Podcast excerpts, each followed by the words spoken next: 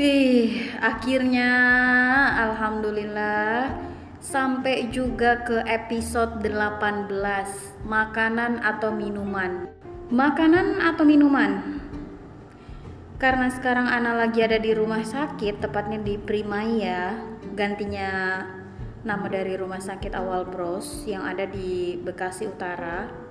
Kalau kita lagi sakit, apa aja tuh nggak bisa dimakan bayangan kita tuh untuk makan udang tepung, udang asam manis, udang saus padang, itu makanan yang paling disukain deh sama Ana.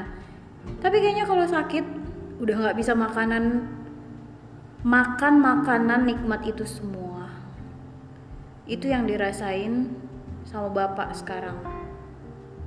Dia cuman pengen rebahan, tempat tidur yang nyaman. Katanya rumah sakit itu steril. Padahal sama aja. Di rumah juga tidur tidur juga. Ya beda ya namanya orang. Kalau misalnya pengen nyaman pas lagi sakit sesukanya aja. Dikasih iga nggak mau. Dikasih sop nggak mau juga. Maunya cuman tiduran diinfus terus minum air putih. Itu pun nggak bisa sering-sering. Katanya air putih itu memicu mual. Makanya kalau misalnya sakit makanan minuman favorit yang panas yang dingin yang coklat or everything gitu ya. Apa aja yang kamu sukain kalau lagi sakit itu nggak jadi nikmat. Makanya kalian tuh kalau punya badan dijaga kesehatannya. Kamu bisa ngedapetin makanan dan minuman favorit dan bisa dinikmatin itu cuma pas sehat. Kalau kondisi sakit bisa masuk air putih sama bubur tanpa lauk pauknya aja udah syukur banget.